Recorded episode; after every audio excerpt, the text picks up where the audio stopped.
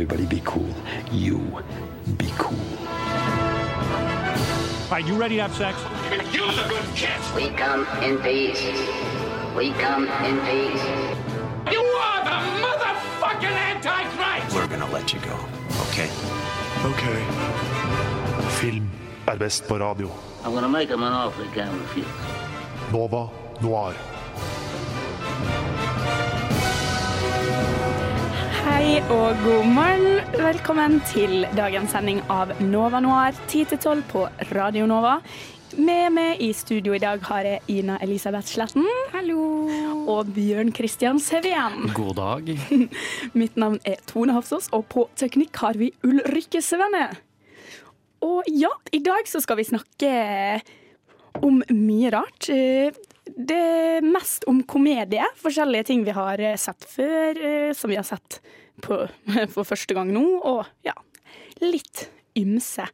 Går det bra med dere i dag? Ja. Ja, det er jo kaldt, men ellers går det fint. Jeg hadde meg kjempemye koffein, så det har Ja. gått. Hva med Ja. deg, Tone? Jo, nei, altså eh, Det går jo egentlig bra, men jeg, jeg har jo blitt litt eh, tatt på senga av at det er oktober. Fordi, jeg vet ikke med dere, men jeg er en av de studentene som ikke har gjort en dritt eh, før oktober. Og så på datoen, ja, på mandag, og døde litt inni meg. Ja, jeg har eksamen om en måned, og jeg vet ikke helt hvor klar jeg er for det. Nei, det er nettopp det. ikke sant? Jeg har jo allerede levert inn første og andre utkast og greier, som er helt på trynet. Ja, Du da, Bjørn, hvordan går det med studentlivet? Nei, det, jeg, eh, I stedet for å studere, så dro jeg jo nesten to uker til Italia. Så det var jo Ja, men det syns jeg høres fornuftig ut. Du hadde, altså, I hvert fall med meg, da, som bare sitter og prokrastinerer. Jeg kunne jo like så godt dratt til Syden. Ja, altså, Jeg hadde sikkert ikke gjort så mye på den tida likevel, men eh, jeg merker nå Det det. at eh, presset bygger seg opp uh, for å ta igjen det tapte. Men det hadde det, som du sier, det hadde det gjort uansett. Skippertak får du inn. eh, Ingen kan komme og fortelle meg at skippertak ikke fungerer. Det. Det funker. Har du ikke sett noe spennende i det siste? da? Jeg har jo etter forrige ukes uh, Da vi snakket dere, Bjørn, du snakket mye om uh, animasjonsserier, og Tone, du har iherdig snakket om at Bojack Horseman er noe av det beste som fins på Netflix. Det er best. Så jeg har begynt på Bojack Horseman, da. Ja! Jeg har bare sett eh, fire episoder så langt. Eh, jeg vet helt ikke hva jeg, ikke helt hva jeg syns ennå. Nei, men Det er det som er kjennetegnet på en god serie, egentlig. At det tar lang tid å finne ut. Jeg tror jeg sammen. Jeg tror jeg så en sesong før, og det var fortsatt sånn mjau. Og så sånn halvveis ut i sesong to så var jeg sånn fy faen, det her er bra! ja, men humrer du på sånne dårlige dyrevitser, sånn som han hanen som jogger om morgenen og roper 'it's morning' og sånne ting? For det er sånn som jeg syns er gøy, da. Ja, jeg, også når, eh, det er en episode med Navy, Navy Seals, og det var en sel, og den selen var så sykt lættis tegnet, og jeg bare åh, det var veldig morsomt. Det er jo en serie som kan eh, ses opp igjen i det uendelige, for du får aldri med deg alle de vitsene som foregår i bakgrunnen. Helt sant. helt sant. Har du sett noe spennende da, Bjørn? Jeg har sett den, eh, de første fire episodene i den eh, nye Jim Carrey-serien 'Kidding'. Ja. Er det Og jeg visste ikke helt jeg så, altså han, hadde jo, han er jo executive producer og delvis skaper av en sånn annen komedieserie som heter eh, I'm Dying Up Here. Det er ikke egentlig en så komedie. Som handler om liksom sånn type standup-komikere på 80-tallet. Da han liksom selv Eller til 90-tallet er det vel. Da han selv eh, liksom kom opp i bransjen. Og den var utrolig dårlig. Så jeg var liksom redd at det skulle være mer Syns du det? Ja, den er Jeg syns den var veldig god. Jeg bare, jeg falt av litt, men jeg syns den var uh... Den er så overseriøs og bloddramatisk. Det okay. passer ikke i det hele tatt. Men, Men, er det på grunn av James Carrey? Det er Jim Carrey. Jim Carrey, herregud! Ja, men Jim er en forkortelse for Jim, James, så det er ikke sånn, ja, men er ikke James Carrey er ikke det en sånn der, eh, teoretiker som vi har Det- Jeg føler det er en sånn der veldig eh. Kan vi slutte å snakke om skole?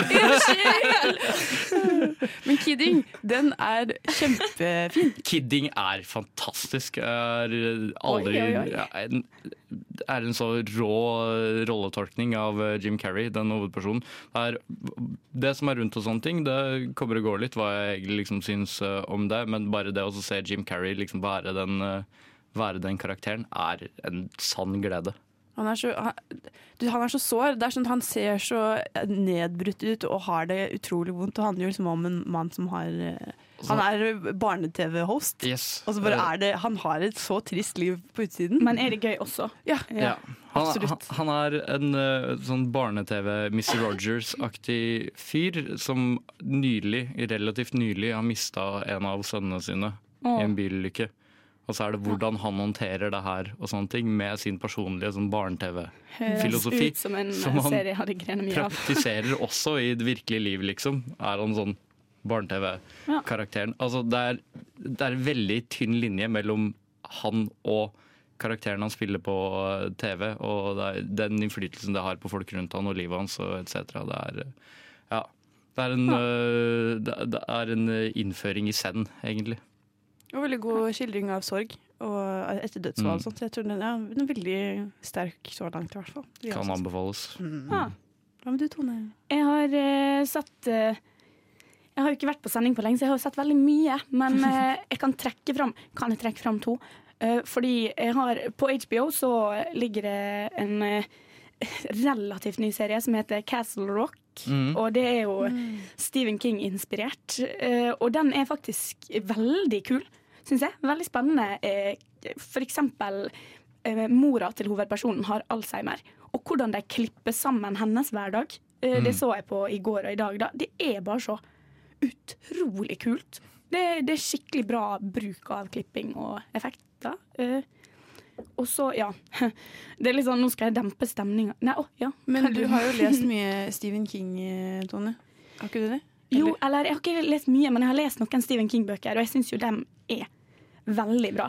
Fordi jeg, falt, jeg så den litt av den, men jeg falt veldig ut av den. Eh, men Er det fordi kanskje jeg ikke vet noe om Stephen King? Eller Nei, da tror jeg, jeg tror ikke det har med det å gjøre. Fordi jeg syns rett og slett den var noe helt annet. Jeg føler ikke at Stephen King sine bøker er liksom sammenhengende på noen måte. Fordi du har jo noen bøker som er psykologiske thrillere, hvor det er realistisk. Det er bare psykopater som du kan finne i øh, det virkelige liv. Mens øh, andre filmer så er det jo overnaturlige, eller andre bøker, så er det overnaturlige ting som er bare helt sjuke. Som er liksom Det kunne aldri skjedd, men det blir ekkelt fordi det skildrer så bra, da. Men jeg har, jeg har både lest noen bøker og sett noen serier og filmer, og sånne ting, og det er definitivt en slags estetikk som er liksom veldig Stephen King-esk. Og den er nok Ja, ve- estetikken, kanskje. Ja, det, Men det er liksom sånn type atmosfære og, og, og sånne ting. Så for noen så er nok det veldig innertier. Når Jeg har en tante som er ekstremt Stephen King-fan, og selv så har jeg liksom aldri helt greid å havne på godsida med det, selv om jeg liker Jeg syns, mye av det er veldig bra, men det er samtidig ikke helt meg, på en måte. Så ja. det, Nei, som du sier, stemninga er én ting, men eh, når det kommer til sånn plott og historie og sånn, så er den på en måte ja, helt eh, selvstendige, da. Så da er det litt sånn hva man syns om plottet og selve handlinga. Nei, men, men, den eh, til uh... Ja, men det, det blir litt sånn dempet på stemninga, da. Fordi jeg har begynt å se på uh, Jeg mot meg på NRK. Og Sesong to? Uh, nei, fordi jeg hadde ikke sett det før. Så jeg har bare sett sesong én nå foreløpig. Men eh, jeg har bare ikke ord for hvor mye jeg vil anbefale folk å se den serien. For den er altså så jævlig vond og fæl, men viktig å se. Har du ikke sett det? Jeg har sett det, og jeg synes at også det var veldig viktig at man snakket om det, for de tar opp mye forskjellige typer Mm. psykiske problemer. Det, men jeg syns at det, eh, den er for det er for kort, og de Ja. går ikke nok i dybden. Og det er det jeg syns var Mm. vanskelig med det. At jeg, du, du ser at disse menneskene har det så sykt vondt, men de får jo egentlig ikke noe løsning på Eller jeg føler det ble den, Jeg vet ikke om du har sett alt, jeg. Nei, sett sesong én, da. Hele sesong én. Ja. Men da følte du- får jo på en måte Du ser jo at de utvikler seg, og på slutten av siste episode så er det jo eh, på en måte Det kommer sånn en setning om hver av dem. Hvordan har de det nå? Ikke sant? Og det er litt sånn klisjéaktig å ha det med, men da ser man at det har hjulpet dem, da. Du så jo hun ene som hadde ME, eh, som bunna i mange psykiske, traumatiske opplevelser i oppveksten sin. Hun hadde fått så mye hjelp at hun eh, basically hadde vokst fra seg ME-en bare fordi hun hadde fått ø, psykisk utløp for følelsene sine. Og sånne ting. Det er bare sånn åh, Jeg får helt frysninger av at folk kan få det så mye bedre. Nei, nå eh, har vi gått eh, litt over tida her, så jeg tror vi skal høre en låt. Og da har jeg lyst til å høre 'Nær deg' av Amalie Holt Kleive.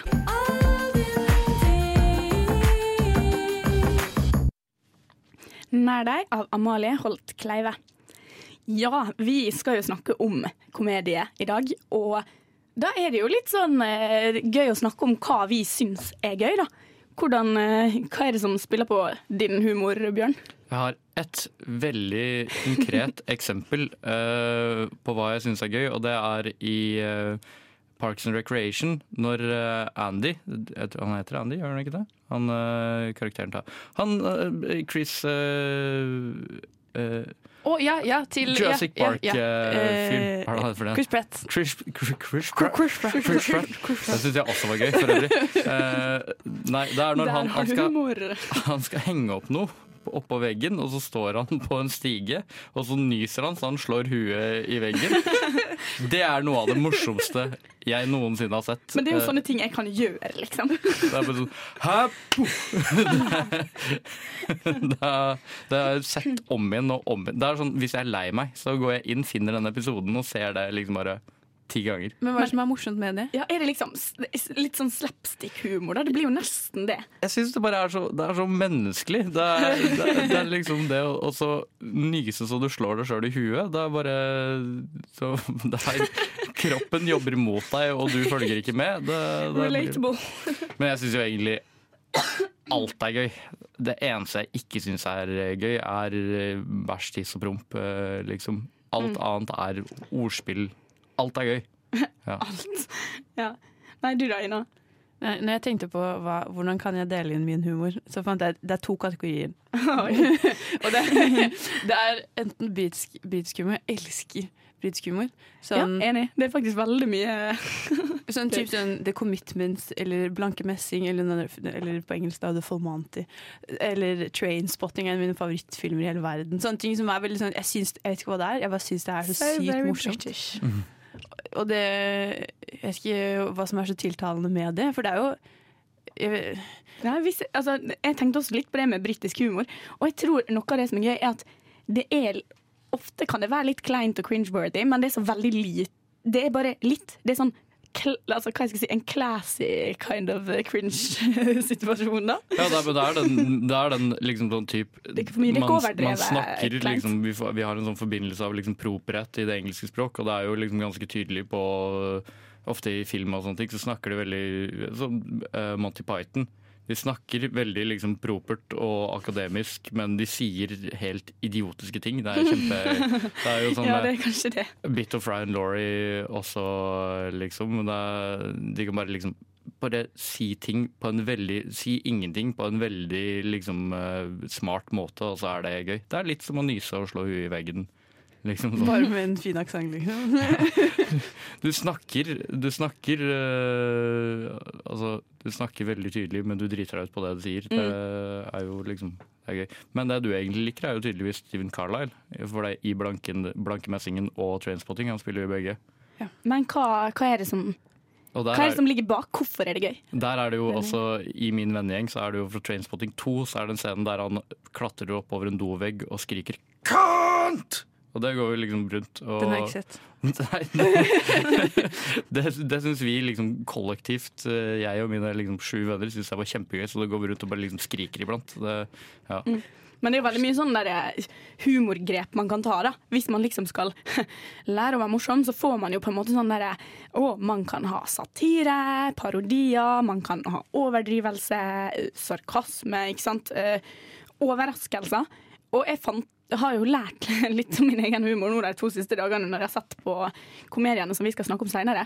Men da innså jeg det at jeg tror at overraskelse er kanskje noe av det som funker veldig Ja. bra på meg. Fordi at hvis det er liksom Det, var, det er veldig mye teit humor som er veldig sånn Som kan være overdrevet for, fordi det skal være morsomt. Men for meg blir det bare overdrevet, og jeg blir litt sånn oppgitt. Men når det kommer en ting som er småteit, og den kommer ut av ingenting, da, Det er, jeg. eh, er veldig med på det. Noe, altså, noe av det morsomste jeg vet, er bare folk som reagerer på overraskende ting. Altså Får en ball i fjeset, eller det skjer plutselig sånn veldig mange rare ting rundt dem. Det syns jeg er veldig Baby Scared of Farts på YouTube. Det Vet ikke. Har du sett den? Nei? Igjen, det er liksom farts. Altså, det er det eneste som ikke er min Nei, men, humor. nei det, men det er reaksjonene til babyene som Jo, jo, det er Fordi gøy, den er bare sånn Kjempegøy. Ja.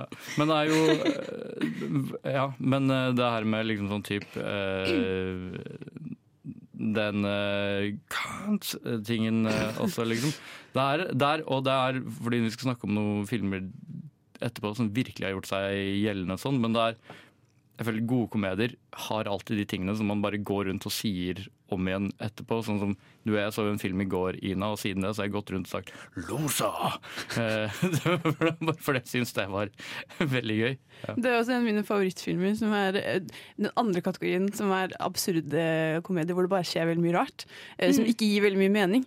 Eh, Og det er Bridesmaid Nei, hva, ikke Bridesmaid, jeg mener The Princess Bride. Er kanskje den morsomste filmen. Det er en fantastisk Jeg komedie. tror ikke jeg har sett den. Den er så morsom, og den er så Inconceivable. quotable. Og det er bare sånn My name is Indigo Montagna. I You don't think that word father. means what you think it means. Den er så god og så morsom. Og Ligger den på Netflix? Eh, nei, men jeg har filmen som du kan låne av meg. Ja, jeg har jo en rosa PlayStation 2 jeg kan spille den av på. Det er en kult klassiker, og vis den til barna. De kommer til å synes det er en kul uh, helt redder prinsesse-historie. Og Ja. når du, med en gang du har liksom passert ti, så er det liksom sånn typ Nei, vent litt. Jeg tror at jeg prøvde å vise den til eh, kjæresten min, og han var sånn Ja, den er jo morsom, men jeg tror det er mest fordi jeg har sett den siden jeg var liten, at jeg syns den er gøy. det kan hende. Fordi jeg, jeg kan alle linjene. ikke sant? Jeg syns det er dritgøy å snakke om den, men sånn, han Ja. synes, som ikke har sett den før og er 20, er litt sånn Ja. Ja, Men men det da- tror jeg kan være sånn med veldig mange filmer. Ja, så er det noe med det, der, det sosiale og det kulturelle med det som er morsomt. Fordi det som er morsomt, er jo gjerne morsomt fordi du bygger det på noe som du syns var morsomt når du var liten. Ja. Uh, og ting du så når du var liten. Mm. Sånn som uh, uh, Vi skal jo snakke om, om eh, å, herregud. Waynes World etterpå. Og eh, jeg vokste jo opp med andre filmer av uh, Hva er det han heter? uh... Nå står det stille oppi ja, da, nå funker det dårlig. Ja, ja, samme det. Han han, fyren. han som også har laget uh... Ja, for jeg vokste opp med Austin Powers. Ja. Igjen gikk rundt og så sa om igjen og om igjen replikker fra liksom, den filmen sånn der eh, One million dollars. eh, liksom, ja. Men det er også sånn Dr. Evil-karakteren. Ja, men folk eh, kjenner igjen det. Ja. Mm, ja.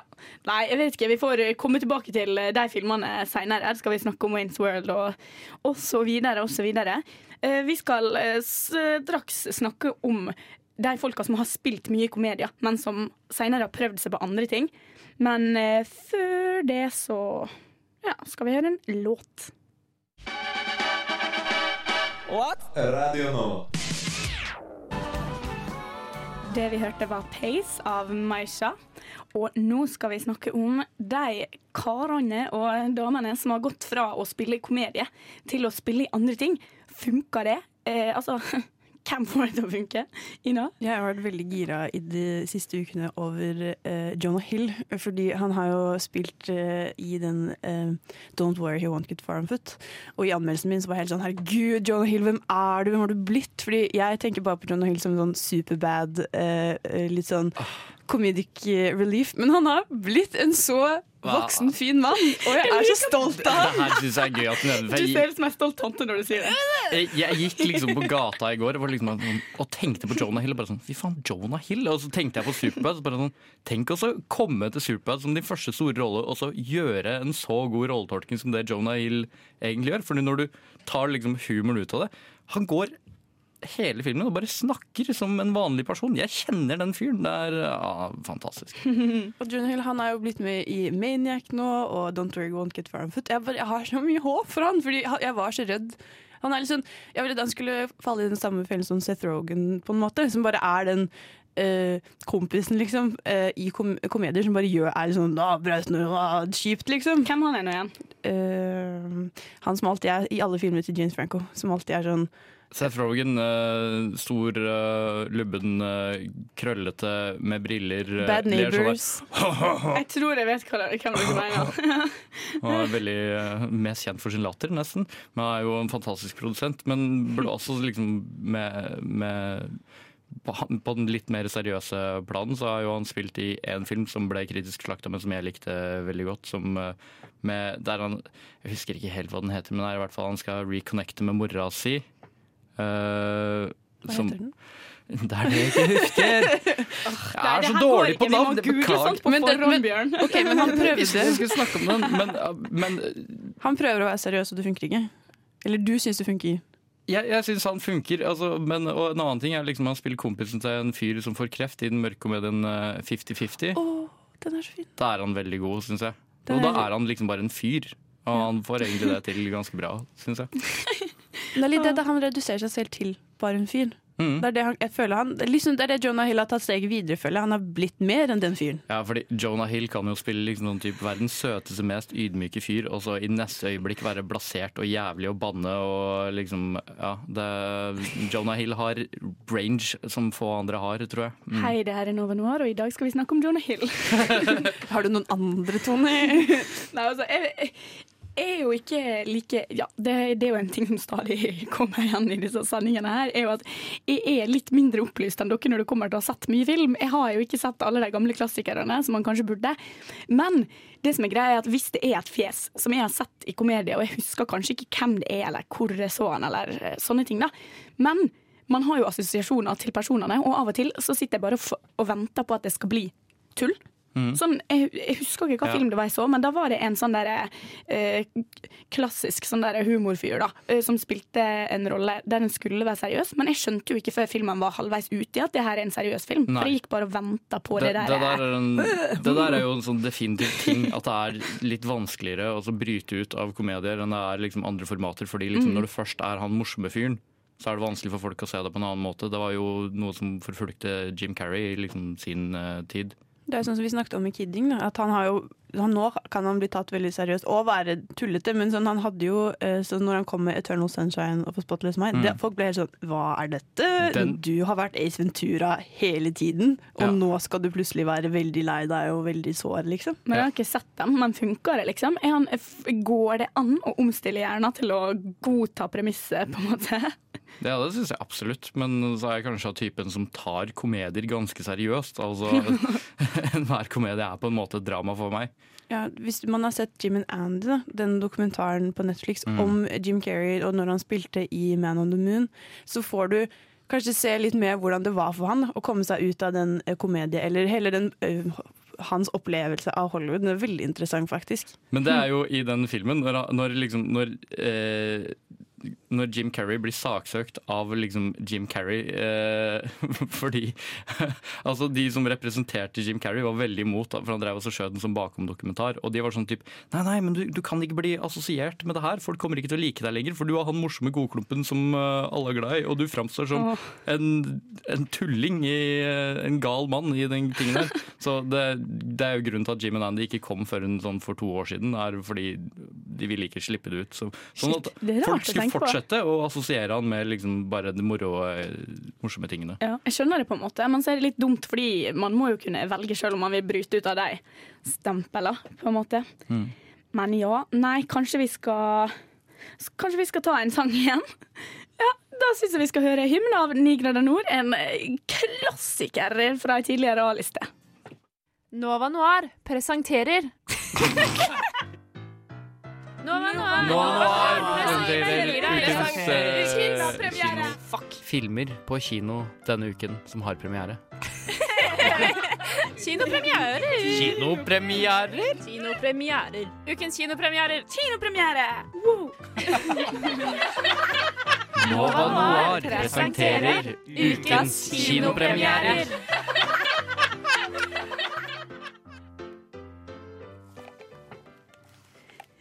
Du, Ina, har vært på kino. Det har jeg. Hva jeg har du opplevd der? opplevd Jeg har uh, fått æren av å uh, ta inn over meg Nei da. Jeg, da, jeg har sett den dansk-svenske filmen 'Sjarmøren', som kommer på kino nå på fredag, eller i morgen.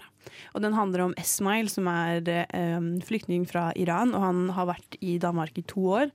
Og nå er det på tide at Eller sånn, han har tante med å måtte dra tilbake igjen, da, for han har ikke eh, Han har ikke noe eh, grunn til å bli i Danmark. Så, og da hans løsning på å, å få bli, er å finne seg en dansk dame som han kan eh, flytte inn sammen med, og senere kanskje gifte seg med. Du skal passe på. Han ser alt. Someone is looking for you. Who? Authorities? I don't think so. Jeg drømte om å finne dere kom til Danmark.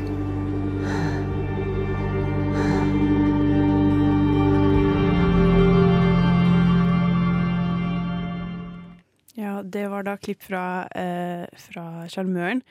Og som etter hvert da, så blir jo Esmail Han møter en dame som han blir veldig forelsket i, samtidig som det blusser opp veldig mye hemmeligheter eh, som følger han. Og det er en spennende film. Den er veldig mørk. Eh, det er jo nesten en type Han driver jo nesten med prostitusjon, for han driver jo bare Han drar på den samme ba baren hver kveld og møter nye damer og ligger med dem. Eh, og prøver bare å liksom åle seg når han møter veldig mye forskjellige typer kvinner. Eh, gifte kvinner som bare vil ligge med han fordi han er, ser spennende ut. Og de, tar også opp mye den eh, stigmaen som ligger rundt eh, arabisk utseende. Eh, det at du har skjegg og du er mørk og du skal være så brutal og du skal være så vond. Men han vil, har, er jo egentlig bare en sår han har bare lyst til å bli her i trygge Danmark. Eh, og kanskje litt uetisk, da. Han, du tror ikke helt på så mye av den, de,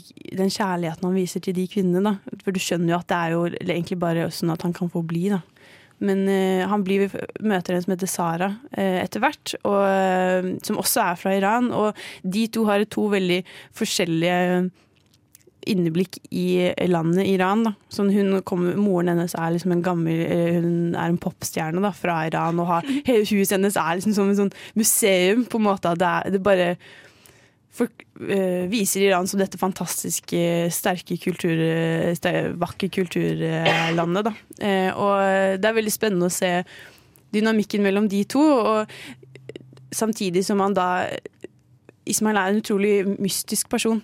Klarer, man klarer føler at man ser så utrolig nære uh, situasjoner, men samtidig så vet man utrolig lite om han. Men er det her en moralhistorie, liksom? Er det sånn det, Formidler det liksom et klart budskap? Når jeg, snakker, jeg har jo også skrevet en artikkel hvor jeg, jeg har intervjuet uh, regissøren av filmen, Mila Damali. Og han Det som var veldig viktig for han, var at dette ikke skulle bli en politisk film. mm. Det handler egentlig bare om at Esmail er bare et helt vanlig menneske, sånn som oss andre. Eh, han er ikke eh, han skal ikke reduseres til det at han er flyktning. Eh, han, er, han, har følelser og drømmer og uh, håp, akkurat sånn som oss. Og det er det jeg, synes, jeg tror det er det som er meningen med filmen. Da, at uh, du skal kunne se litt inn i hverdagen til og det, det en, en, asylsøker kanskje er nødt til å gjøre da, for å uh, følge drømmen sin. Mm. Mm. Høres jo veldig spennende ut. Men ja, Så den er liksom uavhengig av Eller høres ut som historien vil være uavhengig av det politiske budskapet. Men allikevel så blir det jo litt det inni det, da, siden han må jo gjøre ting for å få bli i landet. Ja, og så er det Det er liksom ikke det som er det viktige heller. Det virker jo nesten som at For det er det jeg ikke helt forklare hva som skjer, men det er Han blir forfulgt eh, av noen. Eh, som, de, som, de, sier i traileren 'Someone is looking for you'. Mm. Eh, og det, er en, det ligger hele tiden i bakhodet ditt. Så du, det er en, samtidig som det er en kjærlighetsfilm, så er den kjempe Du sitter liksom og venter på 'Å, jeg må vite mer'. Eh, hva er det som skjer nå? Hvem er denne personen? og bare vite mer om Esmael som person. Hva er det han har gjort før? Eller hvem er han? Liksom? Det er veldig, ja. Får den det til? Ja, det vil jeg absolutt si. Ja. og det jeg også liker veldig godt med den, er at den har tid til den har den kan ta seg tid til å ha litt lengre klipp. Den må ikke Jeg føler at spenningsfilmer ofte går veldig fort, men denne, det er lange klipp, og det er uh, gode samtaler, og det er, det er ikke, vi har ikke dårlig tid da når han lagde denne filmen. Og det er veldig imponerende for en debutfilm, syns jeg. da. Mm. Mm, utrolig kult. Har du havna på en karakter, eller? Ja, uh, jeg vil gi den en åtte av ti. Wow. Ja, men det er det verdt å se, høres det ut som. Men det som også er veldig gøy, er at hvis du også syns at denne filmen høres spennende ut, så har vi faktisk eh, litt, en liten konkurranse eh, ute på Instagram, hvor eh, du, lille lytter, kan vinne kinobilletter til premieren i morgen. Og det, der deler vi ut to kinobilletter til to personer, så du får én person da får to kinobilletter. Wow, ja. for en opportunity! Løp til Instagram nå! Ja, nei, det er ikke helt ute ennå, men ah, ja. jeg skal fikse det etter dette stikket. Men i uh, uh, hvert fall det jeg kommer til å spørre om, da, er Dette er jo sjarmøren. Han liksom, de vil liksom seduser disse kvinnene og sånn. Så jeg lurte på eh, hva er din rarest, hva er det rareste komplimentet du har fått? Jeg for eksempel har fått høre at jeg har veldig symmetrisk nesebol. ja. Det syns jeg er veldig gøy. Har dere noen, eh, fått noen morsomme komplimenter opp gjennom Jeg kom, jeg kom på en ting nå. Fordi jeg har en, jeg har en kjole som er Den er oransje, da. Eller den er liksom en slags sånn rustoransje, men i hvert fall, jeg husker jeg eh, hadde på meg den da vi skulle på byen, da jeg gikk på folkehøyskole. Og så sier han ene fyren, da, han er nordlending, jeg må bare ta nordlandsdialekta for at det skal være litt eh, gøyere. Så sier han så fin du var i dag, du ser ut som en gulrot. og da var jeg bare sånn øh, ja. Takk. Jeg tror uh, på min side så er det når jeg fikk høre at jeg kledde å være forkjøla. Oi. Wow. Litt sånn eh, Munchhausen uh, by proxy uh, Oi, hæ? Men det er sånn det du Det er jo sånn at du forgifter folk for at de skal bli syke, sånn at du kan ta vare på dem, men det hørtes ikke helt sånn ut for meg, da. Nei, nei, vi er bare altså, jeg, at jeg kler og ser sliten og ødelagt ut. Jeg vet ikke. Kanskje de smitta det med vilje, fordi de ville ha noe pent å se på. Kanskje det er det det var min Det var det jeg mente. Ja. Ja, det kan hende, vet du. Mm. Nei, så gjør det, da. Det har vært veldig gøy. Jeg gleder meg til å lese eh, komplimentene deres. Ja, og da skal vi høre 'Marry Me' av Farao. Det var 'Marry Me' av Farao, eller Pharaoh, det finner vi ut av. Vi skal snakke mer om komedie her i Nova Noir. Ja, vi har jo snakka litt om eh, litt forskjellig nå, men jeg tenkte Har dere noen spesielle eksempel på komedier som også har en litt sånn dypere historie? Som har litt mer innhold, og ikke bare er sånn overfladisk eh, humor? Ja, før sending så nevnte du på en av mine nyere favoritter, uh, uh, uh, The Big Sick, Ja. med Harrow Hva handler den om? Eh, Den er handler om fin, altså. en fyr som forelsker seg, og så kommer det en big sick, altså noen blir veldig syke, og så påvirker ting. Og han er da i en periode der han prøver å etablere seg som komiker, og han må ha en diskusjon med foreldrene sine, og det er veldig mye sånn smått og mellommenneskelig, men også stort for et individ, og eh, den krysser liksom grensa fra vits til wow, det her, det her kjenner jeg Ja, den er dypt veldig trist. i hjertet mitt. eh, Eller rørende. Hele tiden. Ja. Jeg tror aldri jeg har sett den filmen uten å grine, i hvert fall bitte litt. Jeg, jeg, fikk, jeg har sett den filmen, og jeg fikk ikke den, den sentimentale eller den uh, panget med følelser når jeg så den. Jeg synes, eh, men det, det er veldig bra at man klarer å ta sånne tanker fra en film, da. Det er Ditt iskalde hjerte. Jeg derimot tenkte at uh, Hadde dere sett filmen Don John med Joseph Gordon-Lewitt? Yes, Runkemannen. Ja, fordi den handler jo egentlig om hvordan vi blir påvirket av pornografi. Ja. Okay. Ja, fordi Don John er en uh, attraktiv mann, driver og Han er i 20-årene ish, og driver, eller 30-årene kanskje. Eh, I hvert fall fester, ligger rundt uh, og sånne ting. Men så ser han også jævlig mye på porno. Og det, er liksom sånn, det blir et problem i livet hans. At når han får kjæreste, for eksempel, så er ikke hun nok. Han må se på porno. Eh, hele tiden. Jeg føler altså traileren til den her, men jeg har aldri sett filmen. Så bra, for den er lagt til New Jersey, så de snakker med sånn utprega Jersey Med Scarlett Johansson også. What are you talking about? Scarlett Johansson er amazing i, i den. Men den er visstnok sånn Altså, det er jo Joe Golev, som jeg liker å kalle han, Joseph Gordon-Levitt, som har eh, skrevet og regissert den, eh, tror jeg. Og den er noenlunde selvbiografisk, ifølge han sjøl. Så Wow. det er jo litt gøy. Det er veldig morsomt. Det har jeg ikke visst. Jeg elsker jo eh, Hva er det kalt? Jolo Joe Golev. Joe Golev. Han har også vært med i den som du nevnte tidligere, 50-50, Ja. hvor han har jo kreft. Og da er den god. Å, den er så sår og fin! Hva Ja. film var det, sa du? 50-50. Det handler om Det er en, det er, det er en er komedie. Men det handler om en fyr som uh, får kreft, og hvordan han forholder seg til det. Og så videre. ah, Mm. Dama slår opp med den, så får han kreft. Uh, Nei, nei, hun er ekstremt abusive, og så får han kreft. Oi. Og da må liksom, han forholder seg til livet sitt på en ny måte. Det er veldig fint. Se den!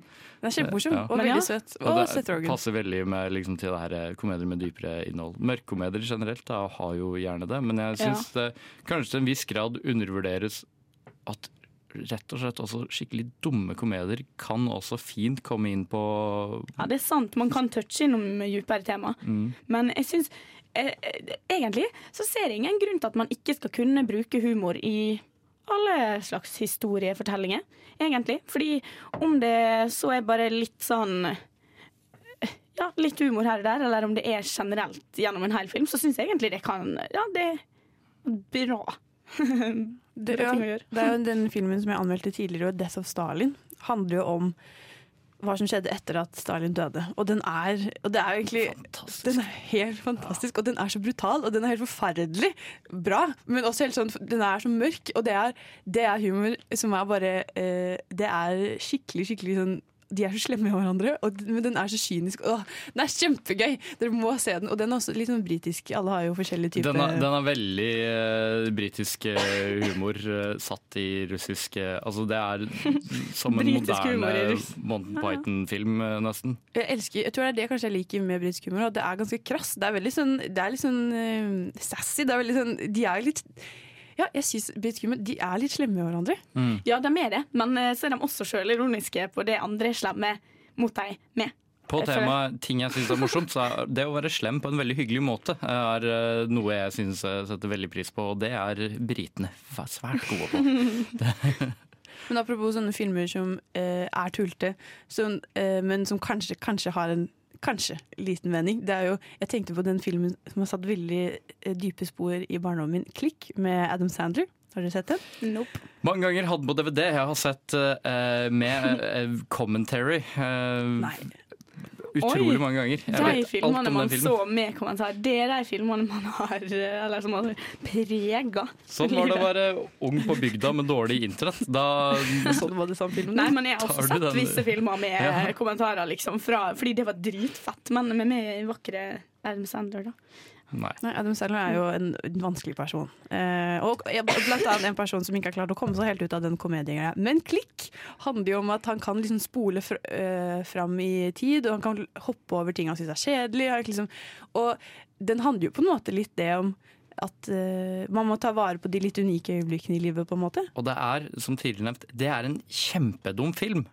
Men, men se den, og så og tenk deg litt om. Det, Det er masse, jeg tenker, er det egentlig altså, Funker det sånn? Fordi altså, Når jeg tenker på de Adam Sandler-filmene jeg har sett, så har jo regissøren helt sikkert hatt en tanke i hodet sitt om at ja, men vi forteller en historie her. Og jeg tenker bare sånn Nei, Men dere gjør ikke det! her det er bare tull. Det her er grunnen til at jeg er på Team Sandler. Sant? Fordi ja, liksom sånn typ, Filmene i seg sjøl er ikke Det er ikke bra filmer. Du skal aldri påstå at uh, det er bra filmer, men de har ofte de tingene her. Liksom, sånn typ, at hvis du ser på filmen, så Det handler ikke så mye om det som skjer i filmen, det handler om liksom, oh, ja, vennskapet okay. mellom de som er i filmen. Det handler om liksom, hvordan vi behandler hverandre. Hvordan, hvordan, hvordan, hvordan noen blir idiotene, og noen andre liksom eh, er eh, høyt på strå, og hvordan egentlig liksom alle bare er like latterlige. Det er en veldig solidarisk nerve i de fleste Adam Sandler-filmer, altså. Tja, ja. Vi har hatt ei Adam Sandler-sending for et år eller noe tilbake. Det går an å bla seg, scrolle nedover i podkastappen og finne igjen den. Men bare på, på Adam Sandler så, eh, og komikere som har blitt seriøse, så Punch Drunk Love, se den også. Det er en fin, dramatisk film. Jeg føler jeg har litt lyst til å se bare for å se om du har rett, men jeg vet ikke. Jeg er litt i tvil. Men altså, serier Jeg føler at det er jo så Jeg er jo, ser jo mest på serier, og da er det to serier som jeg har sammenligna flere ganger, men som folk syns det er veldig rart at jeg sammenligna. men det, det syns ikke jeg. Og det er Bojack Horseman og Dag. Ja, jeg ser den Ja, helt utmerket. det er, det er to serier som er uh, fullstendig uh, hysterisk morsomme til tider. De har mørke, mørke sider der jeg sitter og griner og har vondt i hjertet. Og det, forskjellen er på en måte bare det at Bojack er nesten kanskje så deprimerende at den måtte bli tegnefilm. Fordi hvis ikke så hadde folk gått i kjelleren etter tre episoder, på en måte. Mens Dag klarer å balansere det der mørke og dystre med det fine og koselige. Det er liksom sånn- kunsten å være problematisk. ja, og det, det er ting som alle kan kjenne seg igjen i, samtidig som det skjer jo ting som man heldigvis kanskje ikke kan kjenne seg igjen i. Nei. Det jeg synes det er veldig fin eh, parallell eh, å trekke mellom de. Det setter egentlig ja, Jeg har et spørsmål, fordi jeg har jo begynt å se Bojack Corsman, og jeg synes det er helt greit. Men uh, Liten brannfakkel liker ikke Atle Antonsen. Uh. Nei, men du liker jo ingen, Ina! Det er jo, du hater jo liksom sånn på topp 100-lista mi. hater er et veldig sterkt ord. Ja, du misliker jo liksom på topp 100-lista mi over, uh, over mannlige skuespillere, så misliker jo du 60 av dem, så liker jo ikke Woody Nei, engang! Ja, Woody Harroldson er ekkel! Jeg vet ikke, det er et eller annet med han som bare gjør at jeg ikke tåler Vent, var det Hamish? Ja. ja, for det har vi jo snakka litt om eh, tidligere. Men, men jeg vil gå tilbake til Atle Antonsen, fordi du har aldri sett Dag, ikke sant? Nei, men Fordi eh, Atle Antonsen har en sånn fantastisk Altså, han er Han er Han fantastisk! Ja, ja du, må, du kan ikke du må, Og du sånn kan i hvert fall ikke dømme han før du har sett den serien. Fordi på den serien så kommer du til å bli glad i han. Du kommer ikke bare til å ha et sånn derre Ja, han er Atle Antonsen, han er en skuespiller. Du kommer til å tenke å, Dag er en så djupt i mitt hjerte. I hvert fall, sånn er det mitt forhold til Dag, da. Ja, altså, vi skal snakke mer om norske komedier og sånne ting etter hvert. Men Ja. jeg, bare, jeg føler kanskje at er det fordi Nå er jeg kanskje veldig lite patriotisk her, men er det fordi Atte Antonsen er en helt OK skuespiller, og vi har ikke så veldig mange Og så blir det sånn, vi, må ha, vi må ha en norsk eh, uh, skudd. Det er litt sånn som Jens, at vi fortsatt liker Jens Stoltenberg, selv om han ikke er uh, Hva er det du trekker på deg? Det her er Nei, vet du hva, Ina? Dette her er sånn du- Du vet, hvis det blir for, det her, no, Dette her minner meg om sånn Hvis noen har blitt kjønnskvotert, to helt like kandidater som er kjempeflinke, og så er det noen som sier sånn Hun fikk jobben bare fordi hun var dame. Og så er det sånn Nei, fordi hun var like kvalifisert. Han er dritflink, liksom. Det er sjelden jeg og Tone er så enige om ting som eh, Eller at vi er så uenige. Ja. Så, nei, der er må du pakke deg sjøl inn i Jeg, tenkeboksen. jeg får lyst til å like han nå, fordi dere er så glad i han. Det er sånn, nå, det, nå skal jeg på trass Ja, det er det inntrykket jeg får, da. Nei, da jeg er redd for at one of these days så kommer du til å komme inn og så si sånn her Han Tom Hanks han syns jeg ikke er så jævlig kul. Det er, altså, Tom Hanks er jo kul, men han er jo kjedelig. Å herre! Jeg tenker at vi bare roer oss ned med en sang. Men eh, ja, vi skal snakke mer om norske komedier etterpå, så da ja. På Nova Noir så liker vi all slags type film, spesielt norsk film. All norsk film er best film. Send en norsk film til oss, gi den ti av ti.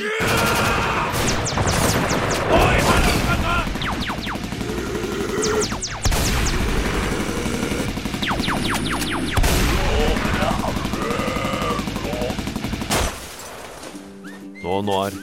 Vi liker fortsatt ikke kommersiell bullshit. Vi skal fortsette å snakke slash krangle om norske komedier. Ja, det blir jo litt Hvem eh, het sendinga. Jeg har OK, overbevis meg, da. Hva er en god norsk komedie, Bjørn? Nei, Dag, da. Annet enn Ja, fordi jeg ser på eksempel Side om Men side. prøv å krangle med den her. Elling. Det har jeg ikke sett. Jeg har ikke sett den på så mange sett? år at jeg kan ikke for, verken forsvare eller kritisere. Det er 100 år siden jeg så den sist. Jeg var sikkert ti år gammel. Digge streite rutiner, faste avtaler. Nei, faen, det er omvendt. Eh, Streite avtaler, faste rutiner. Er Geir fra Oslo kommune. Nei, men da, da ble det vanskelig. Jeg bare antok at alle i Norge hadde sett Elling. Jeg har litt det, men det er så sånn lenge siden. Flåklypa-aktig. Ja. Nei, men det er jo en, en, en, en helt rå komedie. Ja, Men har du ikke sett eh, 'Lån meg din kone'? Nei. Det er jo en gammel, gammel svart-hvitt norsk eh, film. Å, herregud, så morsom den er. Vi må ha filmkveld i Noir og se den filmen, fordi den er helt hysterisk. liksom. Ja. Det er sånn supergammel film. altså Jeg vet ikke hva tiden Er det litt heter. sånn altså. fjols i fjells? Uh... Ja, jeg vil tro det er litt i samme gata. Den har ikke jeg sett, men Mm. jeg vet at søstera mi digger begge de to. Og jeg tror det er litt uh, paralleller å trekke. Men jeg har også sett den uh, gamle filmen 'Den store barnedåpen', som også tror jeg er litt sånn lik den. Men den handler om uh, at uh, man ikke får lov til å døpe barnet sitt hvis du ikke er gift. ikke sant? Så det er veldig mange bastards ute og går, for det er en fyr som driver og- ligger med alle damene, så får, men så vil han ikke gifte seg med dem. Så blir det en sånn, den er, Det er som en romantisk komedie fra 30-tallet, liksom. Og det er Men jeg føler Det er jo ikke meninga at det skal være morsomt. Jeg vet ikke helt om det er poenget, men ja. Hvordan vil dere beskrive norsk humor, egentlig? Jeg syns vi er egentlig liksom, vi er veldig gode på den mørke komedien, komedie. Den eh, liksom hverdagslige Vi kødder med ting som egentlig er tristaktige tingen. Det er jo Mm. det som foregår i Elling, egentlig. Det er jo en veldig trist film, veldig tung film, men den er også liksom hysterisk morsom til tider. Og det samme med Dag er jo mye det samme. Jeg tenker at jeg syns at norsk humor gjør seg best når vi gjør narr av oss selv. Eh, For eksempel sånn troll, 'Trolljegeren' er også en sykt god norsk film, men den er jo bare altså, eh, mobbing av nordmenn, føler jeg. Mm. Og det er kjempebra og kjempegøy, og det er da- jeg syns at vi treffer best. Vi er best på å hylle oss sjøl når vi hyller oss sjøl ved å gjøre narr av oss sjøl. Ja. Men humoren er jo forskjellig også, da. Eh, det er jo litt sånn Den vestlandshumoren da, som jeg er vant med og oppvokst med, det er jo veldig sånn sarkastisk humor. Det er på en måte det det går i, da, mens på Vestlandet så er det litt andre ting. Nei, eh, Østlandet, mener jeg. Så er det litt andre ting, da. Merker stor forskjell på det. Vestlandet, Norges Storbritannia. Ja, I wish. Men eh, hvor mye har vi produsert som kan Men er, for det er liksom sånn type typ Elling er en sånn film, jeg har en liste her. Elling er en sånn film, Buddy er en sånn film, Dag er samme greia. Pornopung er skrevet her. Jeg veit ikke om noen av dere har sett Pornopung? Nei. Nei. Det er jo en film om egentlig en fyr fra Stavanger som flytter til byen og inn i et kollektiv med to sånne kvinnebedårere. Og den er liksom sånn type Den er ganske morsom eh, eh, frem og tilbake. Den var liksom lina opp som en norsk komedie når jeg sjekka det på nettet. Men den har spesielt, altså den, den går litt mer inn på eh, dypere psykologisk plan tidvis, og på et tidspunkt så, så er det en vending der som er altså Jeg var på date og så den filmen her, og jeg var helt skrekkslagen over å liksom eh, sitte der og dele opplevelsen av å se den filmen med en annen person, for det var, uh, ble kvalm og ville kaste opp, eh, liksom. Så den går på en litt annen måte igjen. Den er fortsatt mørk og, og tung, men den bygger opp med humor til den tunge stemninga, som jeg nesten aldri har sett før, tror jeg. Men jeg føler også at nordmenn har en tendens Eller norsk komedie ofte har en tendens til å gå litt langt. Eh, sånn som i Side om side. Mm. Eh, som er en De første sangene av Side om side er kjempemorsomme, syns jeg. Men eh, nå i det siste så føler jeg at det er vi bare karikerer eh, og overdriver karakterer. Det er en som for er sånn trønder, og han snakker sånn her. Og det er bare sånn utrolig og det Nordland. Nei, unnskyld. Ok. Jeg beklager. Og jeg trodde det var poenget. Liksom, at han var, nei, for jeg skjønte I det er veldig overdrevet dialekter og veldig sånn karikert uh, figur, og det synes jeg, da blir det for mye igjen. Fordi jeg liker når det er litt nedpå. Ja, samme Mm. her. Overdrivelse er ikke nødvendigvis gøy, og det må folk forstå. folk som eh, jeg tror, for de som er litt eldre enn oss, er det sånn Ha-ha-ha, han er trønder, han! Det, det, er, Ja. liksom, det, det er liksom sånn type Å, du er fra Vestlandet, og du er fra eh, Tromsø, liksom. Det er morsomt i seg sjøl, på en måte. Det er så jævlig, jævlig sånn ingenting- Oslo-arrogans. Når du blir litt eldre og du blir litt mer er konservativ, og du, ikke, og du liker å liksom vite hvor ting er, så syns du det er veldig gøy når en, en, en fyr fra Tromsø er typisk fra Tromsø. Mm. Liksom, fordi det er sånn der, Det er litt behagelig å kunne le av liksom ha-ha-ha, fy flate nordlendinger, ass. Det, mens vi kanskje foretrekker litt mer eh, å kødde med det som skjer, i stedet for hvem du er. Mm. Ja, Ja. Men det der med apropos Distrikt-Norge, da. Få meg på, for faen. Har dere noe forhold til den? eh, Ikke heller. Å nei, ingen har sett den! Å, nei, okay, fordi den er, jo, den er jo sikkert dårlig, men eh, da jeg så den, så var den jo hysterisk morsom. Hvis Den du er- syns den er bra, så er den bra. Ja, det var 16 år gamle Tone som syntes det, da. Men Mm. jeg, jeg tror den er morsom fordi den er så teit. Ja, er ikke den, Den- litt sånn, det handler litt om sex og sånn? Og jeg tror det var det Jo. at folk syntes var det sånn Å, det handler om sånne ting! ja, ja, for hun er jo ganske ung, hun jenta. Og så er det sånn mora bare sånn Alma, har du ringt til servicenummer? Det er ikke servicenummer, det er sextelefon. Mm. sextelefon, sextelefon! Du er en gal datter som har ringt til sextelefon! Og ja, det er veldig gøy. Ja, men det er også på det her med at liksom tar det litt for langt. Altså, en av mine favorittkomedieserier på norsk TV har jo vært Singelklubben med Bjarte Tjøstheim og, og Steinar Sagen eh, blant andre. Og, og Vidar Magnussen må jo også nevnes. eh, Var jo med tidlig i sin karriere. Den, den syns jeg er veldig morsom, men jeg syns nok mye den er morsom fordi jeg har et veldig nært forhold til eh, Radioresepsjonen. Fordi den er over the top i hver vending. Altså Det er ikke ekte karakterer der, det er liksom bare parodier på folk du kanskje kjenner. Det, apropos sånn Radioresepsjonen, eh, heller aldri vært eh, den største fanen av de. Eh, er, det, er du stor fan av Radioresepsjonen? Det vil jeg si, ja. Men det føler jeg også er sånn, det er problemet mitt med Atle Antonsen også, for jeg føler det er sånn jeg, bare, jeg, vet, jeg skjønner ikke hvorfor de er hyllet så fælt. Jeg skjønner ikke hvorfor de er så Nei, men du har jo ikke sett Nei, men det blir faktisk heller. litt dumt. Det er litt sånn der sånn eh, man, må, man må faktisk se det, da, i hvert fall. Har du sett Før du kan si at du ikke vet hvorfor, ikke sant? ja, men Jeg ser ikke hvorfor de er eh, eller, jo, jeg Har du sett Utenfor i vår hage? Nei. Har du sett Time Antonsen? Nei. Har du sett noe av standupen til Atle Antonsen? Nei, det, jeg har ikke sett noe av Atle Antonsen. Jeg Nei, da kan ikke du Ja, spise da det- Da må du jo se jeg først, og skjønner ikke hva som var så bra med han Atle Antonsen, så har du faen ikke sett noen ting. Hvis du går hjem og gjør leksa di, Ina, Ja. og du kommer tilbake her og fortsatt ikke liker Atle Antonsen, da kan jeg høre på det. Men until then Teoriserende om at jeg tror ikke han er så bra, det gidder jeg ikke. Jeg er veldig på magefølelseperson. Jeg vil ikke Men hvor mye fake news det er der er ute, litt sånn, det er litt sånn der Æsj, liker du makrell i tomat? Jeg syns det er dritekkelt. Har du smakt det? Nei. Nei. Det, som er sånn barn sier, liksom.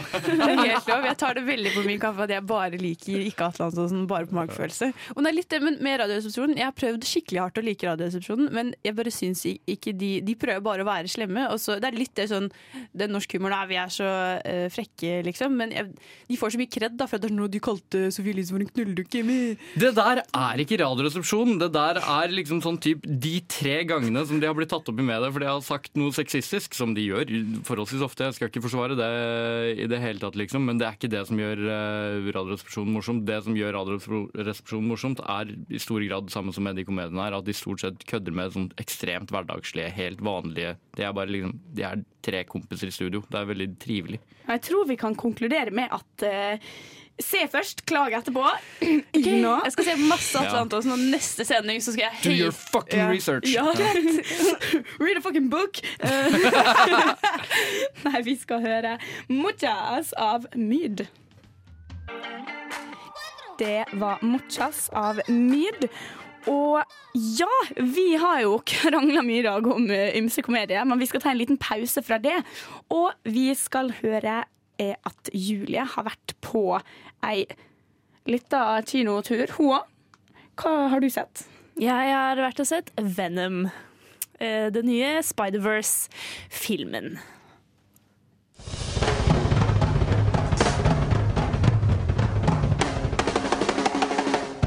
Nova Noir presenterer ukens kinopremierer.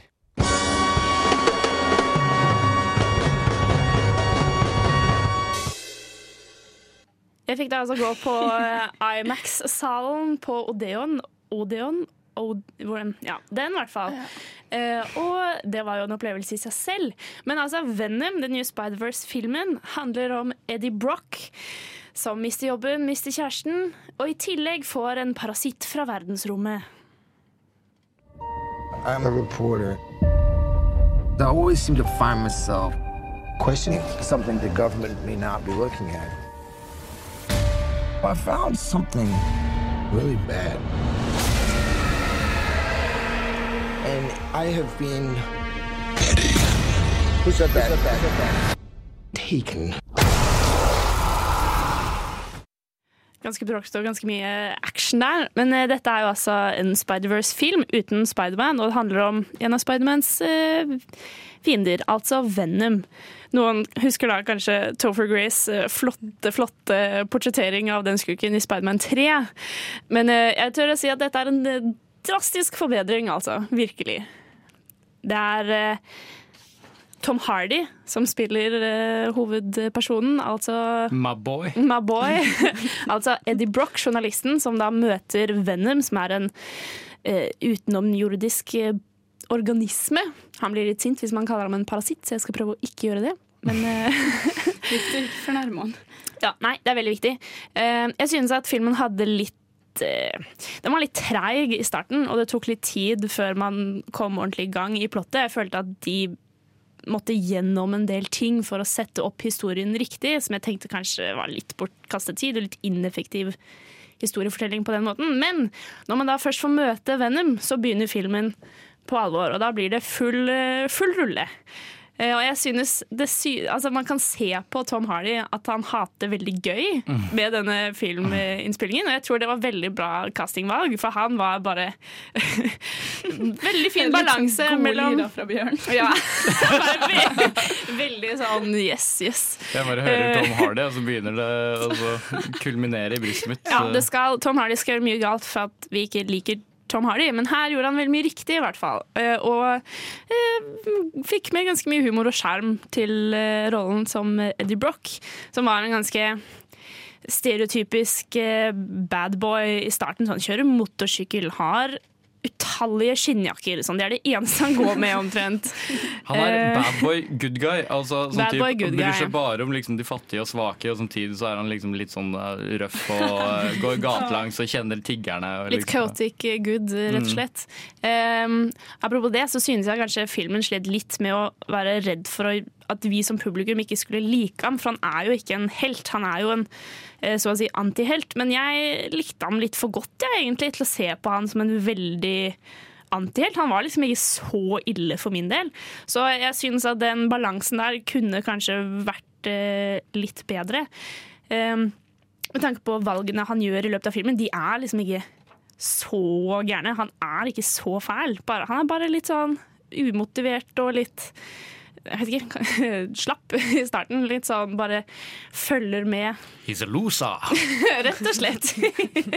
Hvordan er det eh, Hva skal jeg si det estetiske i filmen? Altså, er det mye mørkt og dystert og sånn? Ja, Slår det er, litt jo, som en sånn film. det er jo en actionfilm, så det er jo ikke veldig mye glad farger.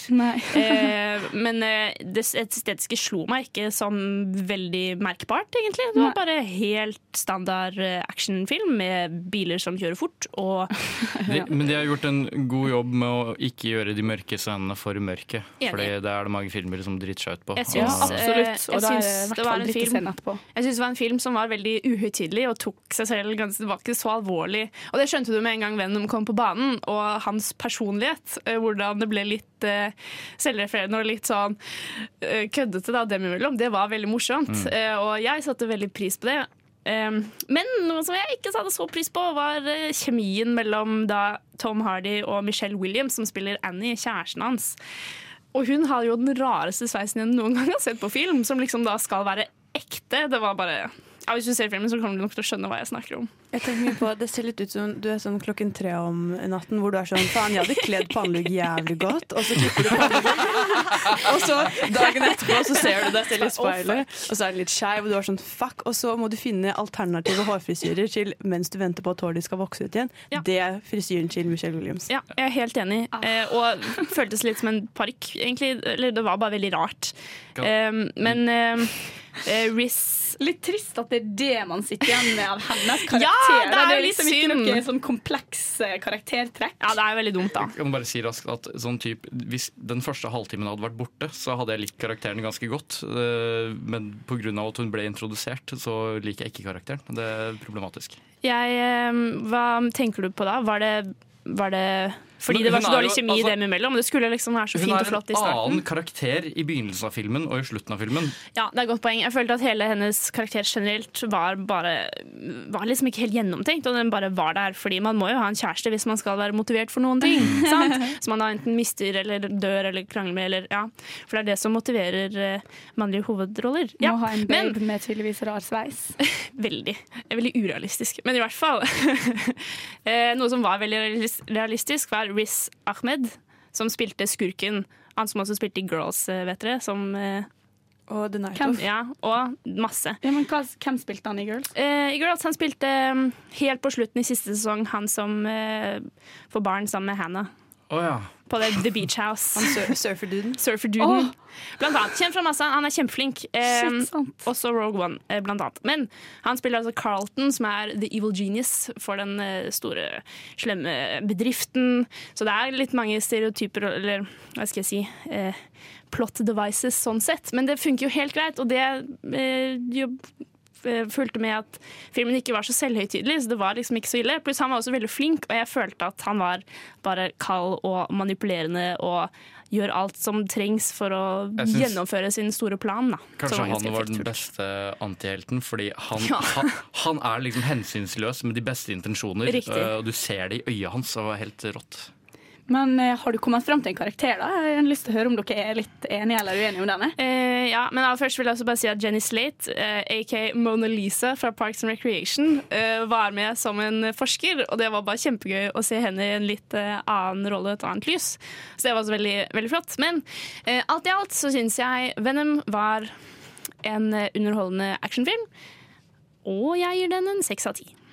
Rett og slett. Er du ikke Nei, vi er ikke enige der. altså, jeg kan skjønne det pga. den første delen av filmen, som egentlig er ikke så veldig bra og litt kjedelig. og i det hele tatt. Men alt i alt så syns jeg det er både en superhelt-åtter og en actionåtter. Men, Men som jo, en film kan- generelt, så Ja. er det en seks av ti. Ja, nei, men Da sier vi det sånn. Seks av ti til Venom, anmeldt av Julie Oskar Andersen. Tusen takk for at du kom, og nå skal vi høre en låt. Lyssna istället till Radio Nova. Who Did This av Pre-Echo. Ja, Ja. Bjørn, du har sett på film. Jeg har eh, sett eh, Waynes World. My name is Wayne Campbell. I live in Aurora, Illinois, which is a suburb of Chicago. Excellent. I've had plenty of Joe jobs, nothing I'd call a career. Let me put it this way I have an extensive collection of name tags and hairnets. Okay, I still live with my parents, which I admit is both bogus and sad. But at least I've got an amazing cable access show, and I still know how to party. But what I'd really love is to do Wayne's World for a living. It might happen. Yeah, and monkeys might fly out of my butt. Ah, the Mirthmobile. Nei, Jeg har aldri sett denne filmen her, eh, Bjørn. Vil du fortelle hva den handler om? Eller for- forventningene dine kanskje først? Ja, eh, altså Forventningene mine til filmen var at eh, jeg skulle ha hørt veldig mange av de tingene som blir sagt. eh, at det er sånn tropehumor, sånn ting som jeg vokste opp med at folk gikk rundt meg og så liksom siterte, uten at jeg egentlig skjønte hva, hva det egentlig eh, var. Og det var for så vidt eh, delvis riktig. Eh, Jeg kan jo bare si litt om hva filmen handler om. Det er jo Wayne, som vi hører liksom i, eh, i, i Ja, det klippet. klippet, så har han en sånn der public access-show. Han er da sånn stereotypisk sånn rockedude, sånn der wow, surfer-aktig, sånn wow, eh, party on. eh, Excellent. Ja.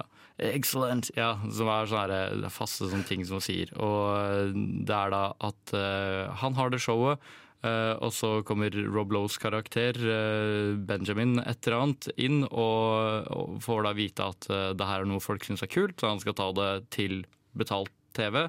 Og så skal jo da Wayne, spilt av Mike Myers, som også har liksom laget filmen eh, Liksom, altså de, de blir jo da skal gå eh, Skal bli liksom big og tjene penger på det her, og så går det på tvers av liksom personlig integritet.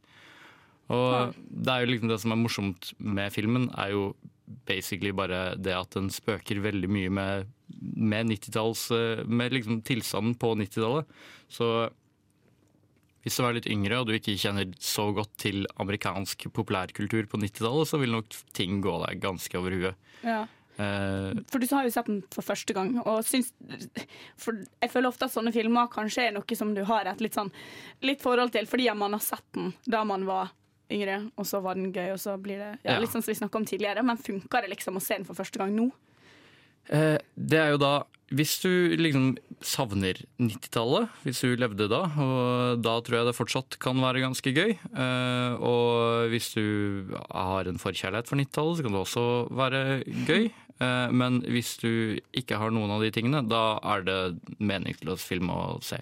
Men det er gode komediske eh, poeng og gode vitser, og det er jo gøy å se Mike Myers i sin prime, eh, for han er jo en utpreka god karakterskuespiller. Han, han er jo Wayne, og det er til tross for at de bryter den fjerde veggen og sånne ting kontinuerlig i løpet av filmen. Det funker, De gjør det som karakterene, og det, det er veldig bra.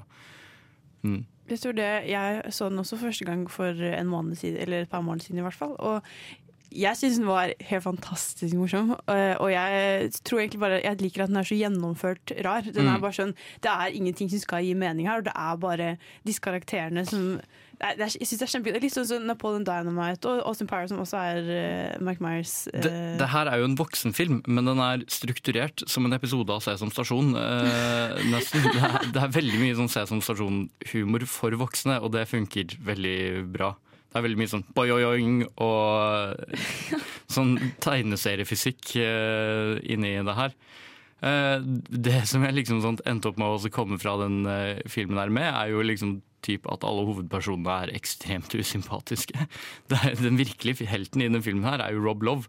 Det er jo han som, eh, altså, han som prøver å det er han som prøver å gjøre Mike Myers sin karakter eh, Wayne og Dana Carver sin karakter Garth en tjeneste ved å tjene dem penger og få liksom, showet ut i verden etc.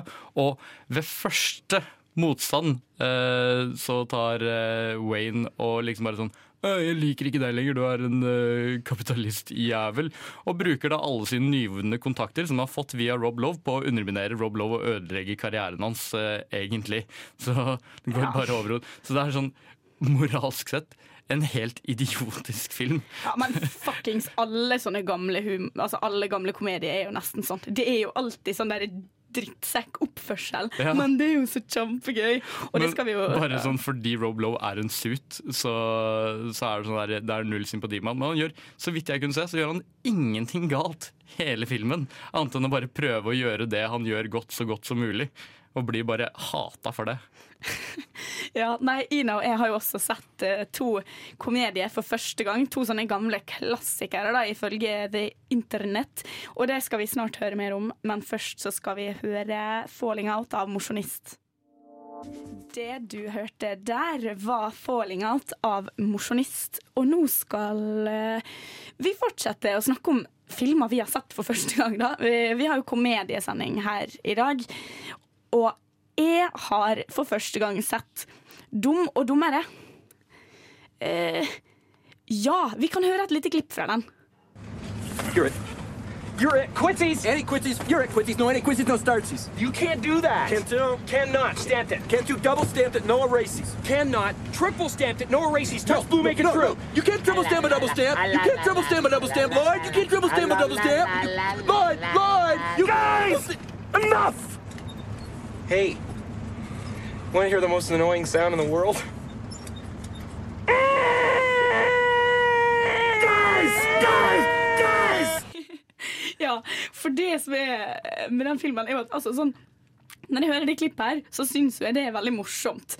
Eh, ja, det er bråkete, det er irriterende, men det er morsomt. Men det er det med den filmen, så er det det støynivået der konstant i liksom alle de minutta den filmen varer. Jeg husker ikke hvor lang den er, men den er nå vel godt over en time. da, og det ja, jeg har skrevet i notatene Fy faen så intenst bråkete og jævlig Og overdrevent overdrevet Altså, det er Ting er overdrevet for å være morsomme Men så har de tenkt sånn Vi kan ta det opp Ti hakk til Åh, Hva er det egentlig filmen handler om, eh, Tone? Ja, den handler jo om eh, to karer da, som bor i lag. De er kompiser. De er liksom best friends forever.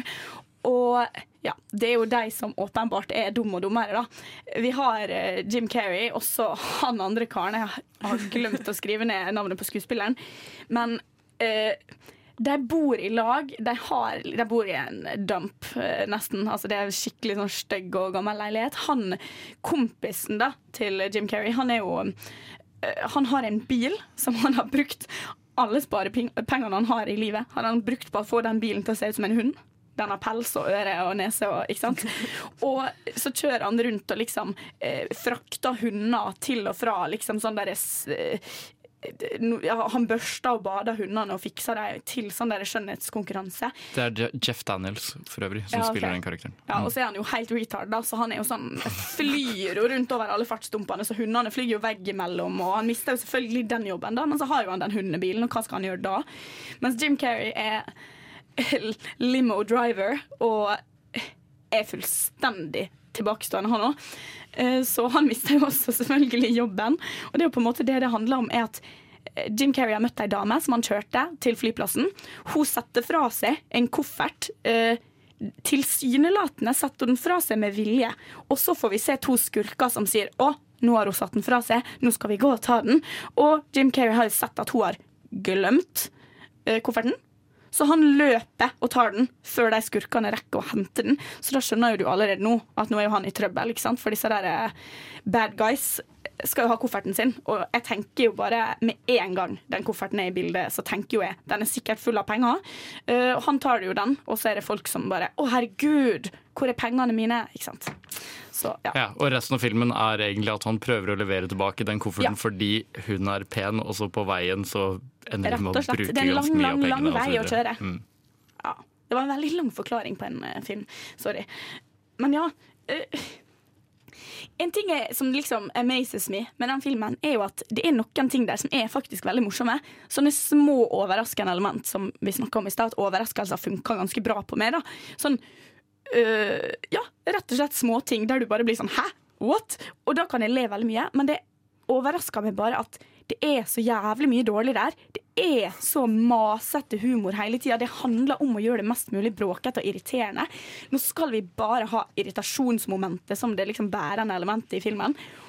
Og da tenker jeg sånn, Det er jo en annen fyr som har vært med å produsere den filmen her, som har fått veldig lite gjennomslag, men som har vært morsom. For det var de gangene jeg lo. Ja, men eh, altså Jeg tror det er bare Den har ikke tålt tidens tann så godt, fordi det, Ja. det er jo en legendarisk komedie i min bok. Jeg husker jo at jeg tenker jo på den som en sykt morsom film, men det er bare fordi jeg så den sist da jeg var 13. ikke Men sant? det er sånn der, den er så stappfull av liksom ting, og det er jo det den gjør. Den bare liksom måker på sånn type Her skal alle ha noe å le av, liksom. Det er, det er definitivt ting jeg tror jeg så til og med da jeg var liten, som bare sånn Nei, det der syns jeg ikke er noe morsomt. Men så er det samtidig når Jim Carrey sitter med den ene skurken som prøver også liksom infiltrere det de driver med, og Jim Carrey begynner Birds, yeah, yeah! Og bare er uh, superirriterende. det er liksom sånne ting igjen, som vi snakka om tidligere. Det er sånn, det er, den filmen er stappfull av sånne ting som vi bare gikk rundt oss og sa om igjen og om igjen på skolegården til hverandre. Det bare laga intens internhumor av å sett den filmen. Ja, nei, jeg vil egentlig sånn konkludere med at den filmen her, har du aldri sett den før, så kan du egentlig bare droppe det.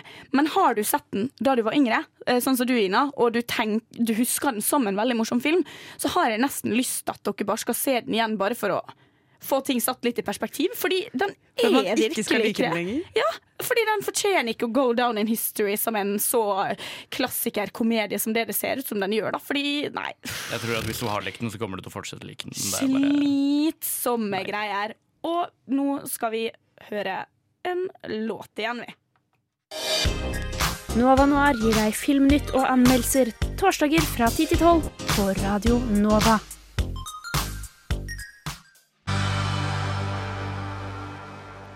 Det var You'll Never Learn av Mitz, en også gammel A-listelåt som jeg liker veldig godt. Vi har jo snakka om komedie som vi har sett for første gang.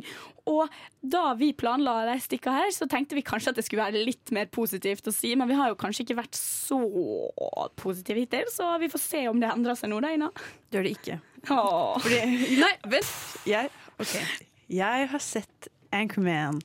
Og eh, det handler om da ehm, Steve Car Nei, hva heter det? Ron Burgundy. Ja, Ron Burgundy. Will Ferrell som spiller uh, news anchor og bare tror han er verdens beste person i hele verden.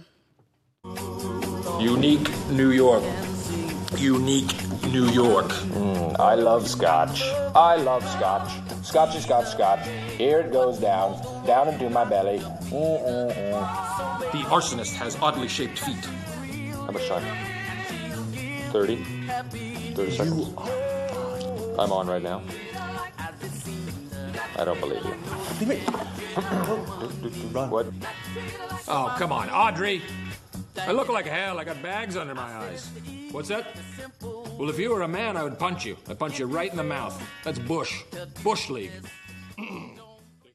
Ja, altså dette var et lite klipp fra Anchorman, og bare for å uh, sette stemningen, liker ikke Will Ferrell. Har Nå, Det har vært veldig mye snakk om mennesker jeg ikke liker, men jeg, du, Bjørn, sa at du ikke liker tisj, bæsj, promp-humor, og det er det Will Ferrell er.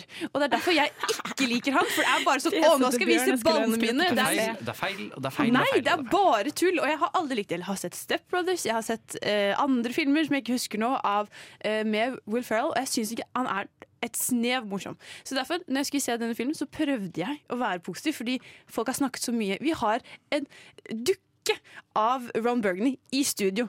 Jeg har liksom hørt så mye bra om denne filmen. Så jeg prøvde veldig å se og like den filmen, men det gjorde jeg ikke. Jeg syns ikke den var litt morsom engang. Jeg synes ikke, det er sånn, det er én scene, det er en sånn øh, kl- øh, øh, nei, kampscene, hvor alle de forskjellige news-anchorene Ja, ja. slåss. Det er dritlættis. Jeg elsket det. Ja, det var lettest. Ellers så er det bare en kjempestor pølsefest hvor Steve Carell er wasted på en Det er jo som... Poenget i filmen er at 70-tallet var en pølsefest. Eller Ja, men de, de bruker det, det. eh, Det er en, en kvinnekarakter som liksom kommer inn i eh, Det er det som liksom, eh, filmen handler om. Da, der Ron Burgney gjør det dritbra, er kjempeflink news.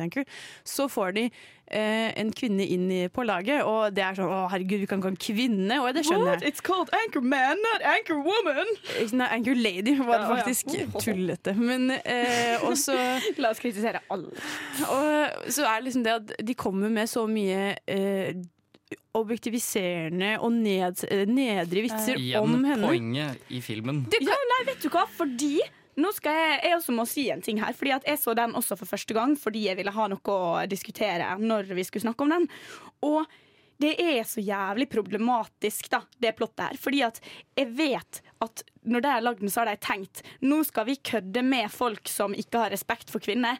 Men dette kvinnemennesket, som er da en halv centimeter unna å være den Spilt første ordentlige liksom sånn, hun, kunne, hun er så nært å være en skikkelig bra, sterk kvinnelig hovedrolle. Som er liksom sånn, hun, hun er så jævlig nært å bli en oppegående karakter, men alt det blir liksom eh, så jævlig skylt ned i dass når hun ligger med denne fyren som har vært sånn bare ufyselig og dritekkel og sykt sånn sexistisk mot henne og trakassert henne på jobb, men allikevel så syns hun han er kjekk. Og det er så ekkelt og problematisk at det forsvarer den oppførselen. Det igjen er jo kødd med at det skjer i samtlige romantiske komedier. Vet du hva? Det er ikke et Det, det går ikke an. Da måtte de Nei, det er ikke gjort Det er på en ikke sånn lagt måte. frem Nei. go- klart nok. Å. Det er jo ikke det, nei. Og til og med på slutten av filmen. Han går jo gjennom en Ja, ok, Kanskje en spoiler alert, da. Han går jo gjennom en eh, vanskelig periode, da, dette mennesket her, som er bare så ekkel og ufyselig. Og jeg hadde ikke sympati for han i ett sekund, bortsett fra da hunden hans forsvant. Da fordi at jeg er glad i hunder. Men man har jo ikke sympati med denne fyren her. Men så på slutten så får han en happy ending. Jeg bare tenker sånn Ja, og så han lærer jo han lærer absolutt, han lærer absolutt ingenting. Han har ingen læringskurve i det hele tatt. For det ender liksom med at, han, at han, det går bra igjen fordi det, en annen person er slem mot hun damen, og da får han liksom tilbake den altså det, er bare, det er en skikkelig dårlig eh, historiefortelling, og det er ikke noe sånn Nei, jeg ble skikkelig irritert av å se den, selv om jeg prøvde utrolig hardt å like den. Og jeg synes at det, det skjer altfor ofte. Da, sånn som i Dumme dummere. Det er sånn Jim Carrey er jo ikke akkurat, portrettert som en veldig kjekk person da, i eh, Dumme dummere, men likevel så er det liksom sånn eh, disse pene damene som bare blir eh, forfulgt pga. at de er veldig pene. Er, sånn, de har ingenting annet ved seg enn at de er attraktive. Mm. Men en ting jeg kan si som er positivt, da, det er jo at jeg så den etter jeg hadde sett Dum og dummere. Og det kan jo hende at mine expectations var så mye lavere enn det kunne vært. Fordi at den var jo så mye mindre slitsom og bråkete enn Dum og dummere. Så jeg likte den veldig, veldig mye bedre enn den, da. Hvis det kan sies. Det er to forskjellige typer humor. Bare, Absolutt. Det som plaget meg mest, var at Steve Carell, som er en veldig Jeg liker han så godt. Han har, har en åh, Rollen hans er så trist. Han spiller liksom en sånn dum fyr da, som bare sier sånn Han sier helt sånn Nei, jeg ble skikkelig lei meg. Fordi jeg, først når jeg først så Hvem det er nå igjen? Det er han fra The Office, han som Ja, spiller ja. Michael Scott. Og han liker jeg så godt, og han er så sykt morsom. Og så er det bare det at han har liksom fire setninger, og de er bare så Å, jeg er dum. Ja, men det er, han har jo eh, improv eh, Altså, han har jo mest av karrieren sin drevet med improv og vært improvlærer og etc. Så det de egentlig gjorde i den filmen, var at de bare liksom lot han si ting som hørtes ville ut, under the guise av at han liksom egentlig bare Han er Mr. Bean i den uh, filmen. Ja, men det syns jeg er gøy, Fordi det vises jo også på rulleteksten. Så er det sånne der eh, bloopers, og det var faktisk veldig gøy. Når, eh, når man bare ser at de får lov til å bare si masse rart, og så klipper de med det beste og putter Mm. det inn i filmen. Men altså, jeg syns det var én ting som jeg må ta opp, da, fordi det var faktisk dritgøy. Det er når hunden snakker med bjørnen. Da, da lo jeg så mye. Jeg syns det var bare det morsomste. Kato yo! Jeg må jo si bare for min egen del at eh, jeg syns ikke noe av kritikken deres egentlig er gyldig. Fordi det er jo liksom sånn typ, det dere kritiserer den for, er jo det den selv kødder med. Og det, Nei, det, hva? det syns jeg jeg. blir helt uh, rart. De får jo Eh, ikke til det. Nei, altså, du syns ikke det, men jeg syns kanskje at liksom, sånn typ, du hisser deg opp over det samme liksom, tingen som de folka her hissa seg opp når de har sett lignende filmer før. At, eh, liksom, typ, at du kan ha en sterk kvinne og så fullstendig underminerende. Det er det som gjør det liksom, gøy, er at den filmen her gjør det stereotypisk. Du skal ikke ha sympati med Ron Burgundy, det er det som er hele poenget. At han er motbydelig på stort sett alle måter, men i kontekst av liksom, de fleste sånne filmer, så er det de karakterene som blir Som er liksom de sterke hovedrollene. Jeg skjønner, jeg skjønner ikke at det er det de egentlig de få bare liksom prøver å gjøre det overtydelig hvor latterlig det er. Men det er klart, når det ikke er eh, Som dere sier, når det visstnok ikke kommer klart fram, jeg, er det noe jeg vil si med Anchorman, så er det jo at den er overtydelig. Men jeg syns det er veldig rart at det ikke kommer klart fram for dere. Men det er greit, det er en av mine favorittkomedier. Har du noen avsluttende ord, Ina? Nei, det var det at jeg skulle ønske jeg likte Will Ferrell. Fordi det virker jo som at de som liker han eh, Altså Han har jo tydeligvis et eller annet ved seg. Eller sånn som, ok, Det er det jeg har lært i løpet av denne sendingen. Jeg må kanskje begynne å like flere eh, eh, morsomme menn. Fordi det foreløpig så er det veldig mange jeg ikke liker. Nei, men. I kontekst av Atle Antonsen så er det jo bare liksom se noe med Atle Antonsen før du sier at du ikke liker Atle Antonsen. Men sånn Will Fer- Ferrell Jeg har ingenting imot han, men jeg syns fortsatt at denne filmen her ikke var forståelig nok hva de ville fram til. Men ja, vi skal høre Run Man av Running Man av Yogi Shine. Yes, det var altså Running Man av Yogishine Yogi Shine. Vi har hatt eh, komediesending. Vi har krangla mye i dag. Eh, sitter dere igjen med eh, gode eller dårlige følelser, Bjørn? Du ser litt eh, trist ut i sjela. trist at vi har liksom Vi brukte første halvdel på å liksom sånn hylle komediemediet, og så har vi slakta samtlige filmer som vi har snakka om eh, siden. Ikke Ways for Love. Det er en helt grei komedie. Eh, den, er, den er morsom, men eh, jeg syns det er veldig synd at dere ikke likte Vi krangla om det selv under sangen. Eh, det fortsatte vi å diskutere. Det, ja. Men har vi fått noen tips til ting vi faktisk skal se? da? Fordi vi har jo uh, kjefta mye på Ina for at hun dømmer Atle Antonsen uten at jeg har sett en jævla dritt. Så hun skal jo hjem og se på Dag. Jeg har lekse, og jeg angrer ikke på at uh, jeg har hatt mine sterke meninger. Og hvis jeg da uh, endrer mening, så er det bare en positiv ting for dere. Så jeg skjønner, Men jeg setter pris på tilbakemelding og skal uh, få mer fakta. Ja, jeg bare håper at du er åpen for å endre mening. Og at du det. ikke, ja, det er bra. Det er bra. Ja, veldig. Ja, hvis dere syns at Dag for eksempel, er dritbra, jeg skal prøve. Dine sterke meninger gjør bare eh, I told you so-en så mye svitere uh, når den omsider kommer. Når du Å, bare prøv deg! Når du omsider må innse det som er riktig, nemlig det jeg mener. Skal du hjem og se på noen nye serier eller filmer? Bjørn? Jeg skal fortsette å se på Kidding, og så har jeg jo veldig lyst til å se den her sjarmøren. da. Ja, Mm. Den høres uh, veldig spennende ut, syns jeg. Ikke helt uh, komedie akkurat, men Nei. uh, likevel. høres veldig verdt ut og verdt å Se se. Venom igjen for å høre sånn Losa!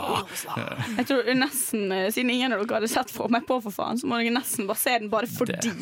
kan Kanskje jeg burde se Elling igjen, og du Ina ser den for første Dere burde se gang. Elling igjen! Ja, eller du burde se Men ja. ligger den, ligger den ute et sted? Det, det veit jeg ikke, men gå inn på streamingguiden til. Filmweb, så finner du det.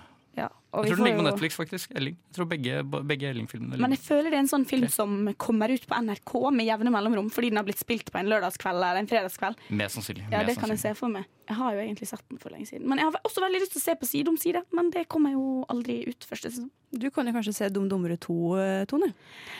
No thanks. Tenker, du syns jo den var jo så fin. Og så tenker jeg det er en utrolig eh, De vokser Tja. utrolig på den eh, nummer to, vil jeg absolutt si. Ja, nei, eh, jeg tror nok jeg står over den, den filmen, egentlig. Oh, nei, men jeg syns det har vært kjempegøy å ha dere i studio i dag. Det, det går alltid så veldig fort med to timer, egentlig. Ja. Jeg vil bare si at jeg er fortsatt veldig glad i dere, selv om vi har kranglet i dag. Og jeg håper at dere fortsatt er glad i meg. Ja. Eller, nei, å, Bjørn er glad, glad i meg når jeg innrømmer at Atle Antonsen er kjempegod. Ja, nei, I dag har vi hatt to anmeldelser i studio. Det var 'Sjarmøren', som fikk åtte av ti. Venom fikk seks av ti. Åtte av ti av meg. Ja. Nei, på teknikken så har vi hatt det like spennende, og Julie Oskar Andersen innom en liten tur. Uh, ja, i studio så har vi hatt Bjørn Kristian Sveen, Ina Elisabeth Sletten, og mitt navn er Tone Havsås. Er dere fornøyde med dagen? Ja. Absolutt. Ha det bra. Ha det. Ha det. Ha det. Radio Nova.